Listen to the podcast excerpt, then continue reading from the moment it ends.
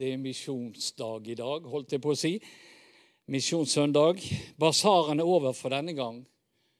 Og vi gleder oss over at vi enda en gang kan sende av gårde sårtrengende penger til, for å opprettholde skolefritidsordningen Esperanza i Bogotá i Colombia. Dette er noe som vi gjør sammen som fellesskap, og det har vi gjort i mange år. Det å samle inn til barn som ikke har det så godt, har vi gjort lenger enn menigheten eksistert. Dere vet det, i hvert fall noen av dere. Menigheten blir 38 år i september. Det betyr at dette har vi nok gjort i 40 år. Før var det eh, i gymsalen nede, før vi fikk menighet og lokaler her. Så det er fantastisk. Og jeg har lyst til å rette en takk til alle som har vært med og bidra til dette gjennom alle disse årene. Til, eh, men jeg har litt lyst til spesielt å nevne fire personer som har vært med på å gjøre dette mulig. Og de står fremdeles på. Britt og Jon Karsten Livden og Inger og Johannes Denker. På vegne av oss alle, tusen takk for det dere har gjort i alle disse år, og det dere har stått i.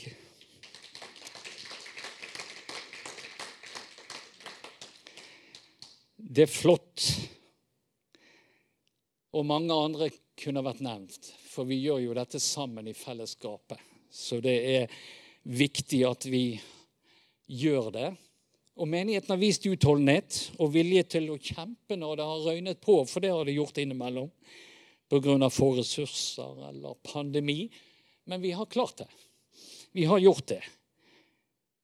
Og som vi vet, så er det flere barn i Esperanza. Der, der kommer stadig nye barn til som trenger å få høre evangeliet. De trenger å få mat, de trenger å få beskyttelse, og de trenger å få hjelp til skolearbeidet. Paulus gir oss en oppmuntring. Han sier derfor, mine kjære brødre, stå fast og urokkelig, gjør stadig framgang i Herrens gjerning. Dere vet jo at deres arbeid i Herren ikke er forgjeves. Vi vet at når vi samler inn penger til Esperanza, så er det ikke forgjeves. Det gjør en stor forskjell. Mange barn og unge har blitt hjulpet til et bedre liv. Først og fremst der og da, når de er små og får komme til. Men også har de fått muligheten til å utvikle seg eh, til hjelp til skolegang og utdanning. Så vi vet at det nytter. Så oppfordringen er å stå fast og gjøre stadig framgang. Det kommer en ny basar til høsten. Og noen må ta ansvar for å legge til rette for at den holdes ved like, og at det holdes oppe. Så hermed er utfordringen gitt.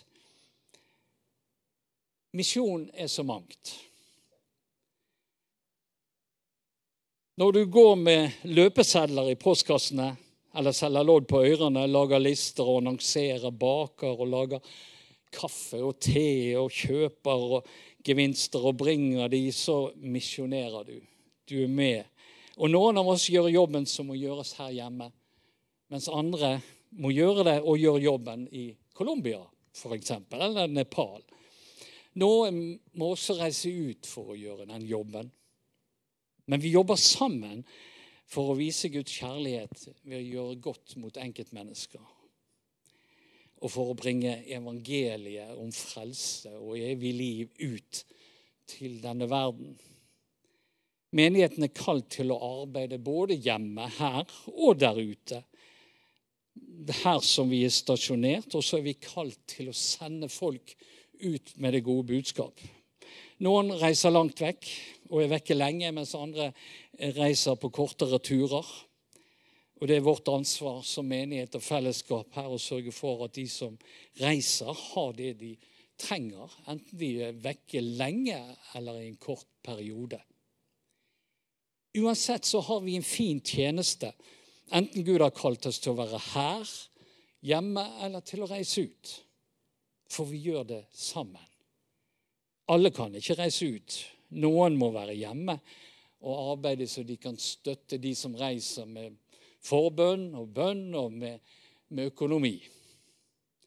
Men det er viktig at vi tenker at vi skal gjøre det sammen, for det er det Gud har tenkt. Når det snakkes om nådegavene i Feserbrevet, som Gud gir til den enkelte av oss, så begrunner Paulus dette her. Han sier det er han som ga sine gaver.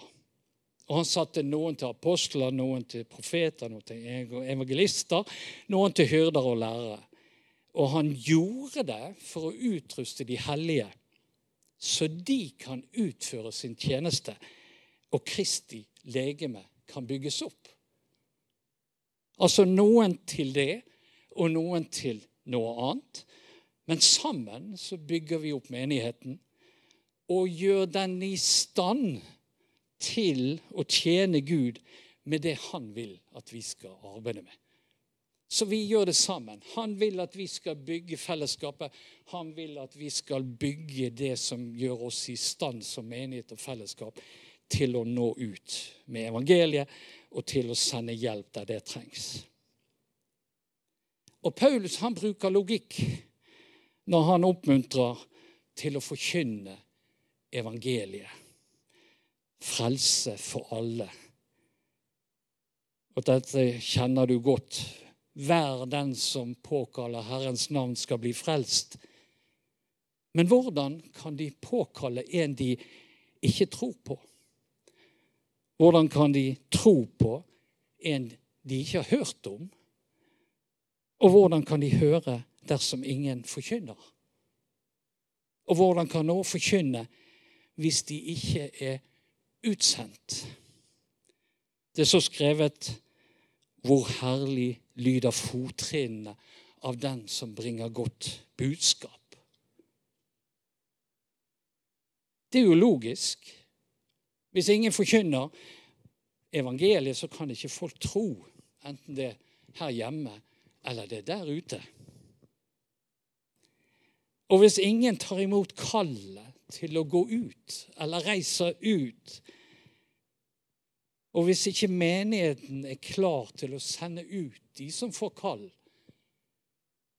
så når det ikke ut. Da kan ikke folk komme til tro. Når Paulus sier dette her, så siterer han profeten Jesaja. Og han beskriver det som vakkert eller fagert om du vil, når folk reiser ut med evangeliet. Hør Jesaja 52, 7. Hvor fagert det er når den som bringer gledesbud, kommer løpende over fjell, melder fred og bærer godt budskap. Forkynner frelse og sier til Sion, din Gud er konge kan vi se at det er fagert. At det er vakkert når noen gjør det, når noen reiser ut. og går med de gode nyhetene, evangeliet, gjør godt. Det gjør godt for den som gjør det, og det gjør godt for de som er mottakere. Det å komme med fred og bringe fred og forkynne frelse og evig liv, det beskrives i Bibelen som vakkert. Gud kaller oss til å gjøre noe godt for de som mottar budskapet vårt. Og når han kaller oss til å gå, så vet vi at han sørger for oss, for det har han sagt. Blant annet, vi vet at alle ting tjener til det gode for dem som elsker Gud, dem han har kalt etter sin frie vilje. Blant annet et løfte. Og han utruster oss, og han beskytter oss. Han sørger til og med for at våre fiender får godvilje mot oss. Misjon har alltid vært todelt. Det å forkynne evangeliet og det å hjelpe til med humanitær bistand. Begge deler ligger på Guds hjerte, og han vil at vi skal gjøre begge deler. Og egentlig er det vel akkurat det vi har gjort gjennom arbeidet i Esperanza. Ikke sant? Vi har lagt til rette for at evangeliet blir forkynt. At barna og de unge fikk mat og hjelp til skolegangen og beskyttelse i et av verdens vold, mest voldelige land. Men tidene forandrer seg, og nå kommer behovene grad, geografisk mye nærmere. Det har behov for å hjelpe mennesker på andre måter. Det er krig i Europa, og vi blir dratt inn i følgene av den. Grusomhetene fra Russland, invasjonen av Ukraina, de, det ruller over TV-skjermene må stå på forsiden av avisene. Og vi får høre at mennesker blir drept, byer blir lagt øde av bomber og mange har måttet flykte fra sine hjem. Store menneskemengder er på flukt. Det er snakk om tre millioner. Og mange vil òg komme her. Regjeringen snakker om et flyktningetall på i første omgang 5000. Sannsynligvis 35 000. Ja, og kanskje så mange som 100 000 vil komme til Norge. Og noen har allerede kommet, og det kommer flere hver eneste dag. Norges kristne råd oppfordrer menigheter til å hjelpe de som kommer. Og vi har det jo òg i Guds ord. Flere steder en oppfordring til å hjelpe de som er i nød. Hør her fra Salme 107, 4-9. Noen for vill i ørkenen, på steppet. De fant ikke vei til en by de kunne bo i. De var sultne og tørste og hadde ikke kraft i sin sjel. Da ropte de i sin nød til Herren, og han berget dem ut av trengselet. Han førte dem på den rette vei, så de kom til en by de kunne bo i. De skal takke Herren for hans miskunn, at han gjør under for de menneskene. At han slukker deres brennende tørst og metter de sultne med det som godt er. Altså, Gud ledet de til et sted de kunne få mat og husly. Noen, noe som altså menneskene som var på det stedet, Gud ledet de til, hjalp de med. Og sånn er det vel. At de som er der, de hjelper til. Folk flykter fra trengselet, og mange roper jo til Gud om hjelp. Det skjønner vi, og det hører vi om, og det ser vi òg på reportasjene. Og det er mest kvinner og barn som kommer nå. Og de trenger et sted å bo, mat og senere hjelp til å finne barnehageplass og jobb. Og la oss sammen som fellesskap finne ut hvordan vi kan være til hjelp. La oss bruke de ressursene vi har i vårt fellesskap. Det kan være at den juridiske integreringen med ID, bosted, arbeid og skole og barnehageplass og andre rettigheter i samfunnet kan gå fint, men egentlig ikke det der den største utfordringen ligger. Utfordringen ligger i den sosiale integreringen i samfunnet. Den ligger hos oss som enkeltmennesker som menighet, som bygd. Hvordan møter vi disse flyktningene som vi kommer til å treffe? Språket er en utfordring, selvfølgelig. Men det kan være godt å tenke på at så mye som 80% av kommunikasjonen vår er kroppsspråk. Underlig. Og bare 20% er ord. Sånn er det. Så det, vi kan formidle mye godt med det vi gjør, om ikke vi forstår de, eller de forstår oss. Sånn er det. Barna trenger venner og aktiviteter. Og noen må hjelpe dem i de forskjellige aktivitetene som vi allerede har for barn og unge i menigheten. For vi har jo det, det oppe og går. Og kanskje kan vi åpne opp husgrupper og våge å la samtalen gå på engelsk eller danne nye husgrupper der det går på engelsk. Ukraina var før krigen kjent for å ha mange kristne. Så det er sikkert mange kristne som kommer til oss. Guds ord taler mer. Og vi er i fastetiden. Og profeten Jesaja snakker om hvilken type faste Gud vil ha. I Jesaja 58. Nei, slik er fasten jeg vil ha, at du løser dem som med urett er lenket, sprenger båndene i åket og setter de undertrykte fri, ja, bryter hvert åk i stykker. At du deler ditt brød med dem som sulter, og lar hjemløse stakkarer komme i hus. At du sørger for klær når du ser en naken, og ikke svikter dine egne. Oppgavene blir mange, og vi må forberede oss. Noe vi kan gjøre med en gang, alle sammen, det er å be. Og det gjør vi allerede. Men det må vi bare fortsette med. Vi må be om at krigen tar slutt. Vi må be om fred for Ukraina. Be for president Zelinskyj. Og be for folket som er på flukt. For familiene som blir splittet og for soldatene som blir igjen for å kjempe. Vi må be for Putin og hans medarbeidere om at de ser at de må stanse denne krigen. Vi må be for Russland og for det russiske folk. Og mange av de er imot denne krigen. De vil ikke ha noe med den å gjøre. De vil ha fred. De demonstrerer mot krigen, og de er villedet av feilinformasjon. Men de som har fått tak i informasjon, de flykter jo fra Russland. Og nå blir det sånn at vi får flyktninger fra begge nasjonene som er i krig. Vi må be om visdom til Nato og nasjonene rundt. Ja, la oss be om fred i verden og i Europa. En dame på 96 år som var 15 år under andre verdenskrig, har uttalt nå må vi på kne.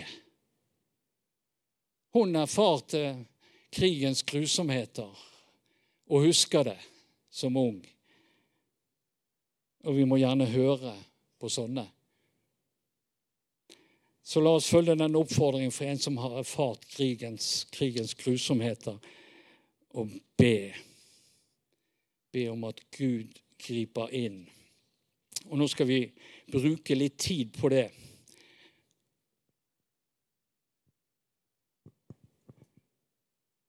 Jeg ber først en bønn, og så kan du henge deg på og be. Og her er noen punkter. Bare ta tak i et av det, eller noen av det, eller noe annet du kjenner du skal be for. Så la oss bruke litt tid, og vær frimodig og løft din røst i bønn til Herren han hører oss. Ja, Herren, vi, vi takker deg for at du er en Gud som hører bønn. Og vi ønsker å løfte opp denne vonde tiden og det vonde som skjer i vårt naboland, i Europa, Herre. Krigen mellom Russland og Ukraina, Herre. Og vi ber om at det tar slutt. Vi ber om at det tar slutt, Herre. At du griper inn og stanser disse menneskene som lever i maktbegjæret etter å ta til seg nye landområder, Herre. Vi ber om at du stanser dette. Og så ber vi, Herre, for alle disse som har det nå vanskelig, som flykter. Unge og gamle, Herre, som ikke får hjelp som trenger masse hjelp, og som eh, står i fare for å miste livet, Herre. Du ser alle som nå blir drevet på frukt, flukt bort fra Ukraina, og til og med bort fra Russland, Herre. Og nå ber jeg om at du fyller oss med den kjærlighet som vi trenger for å følge ditt ord og ta imot de som kommer, Herre. Må du gi oss visdom og nåde, Herre, i den tjenesten. Takk for at vi har fått lov til å samle inn og ha muligheter i vårt land som er i fred, til å samle inn til de som har det vanskelig i Colombia. Men Herre, du vil også at vi skal hjelpe de som er fra Ukraina, Herre, de som kommer til oss. Og nå ber vi om at du istandsetter oss til dette. La oss ved din ånd bli istandsatt som menighet og fellesskap til å hjelpe, Herre. Det ber vi om. Jeg takker deg for at du hører vår bønn, og at du eh, vil hjelpe de som har det vanskelig. Ja, hør deres bønn, Herre, som roper til deg i sin nød. Det ber vi om, Jesus.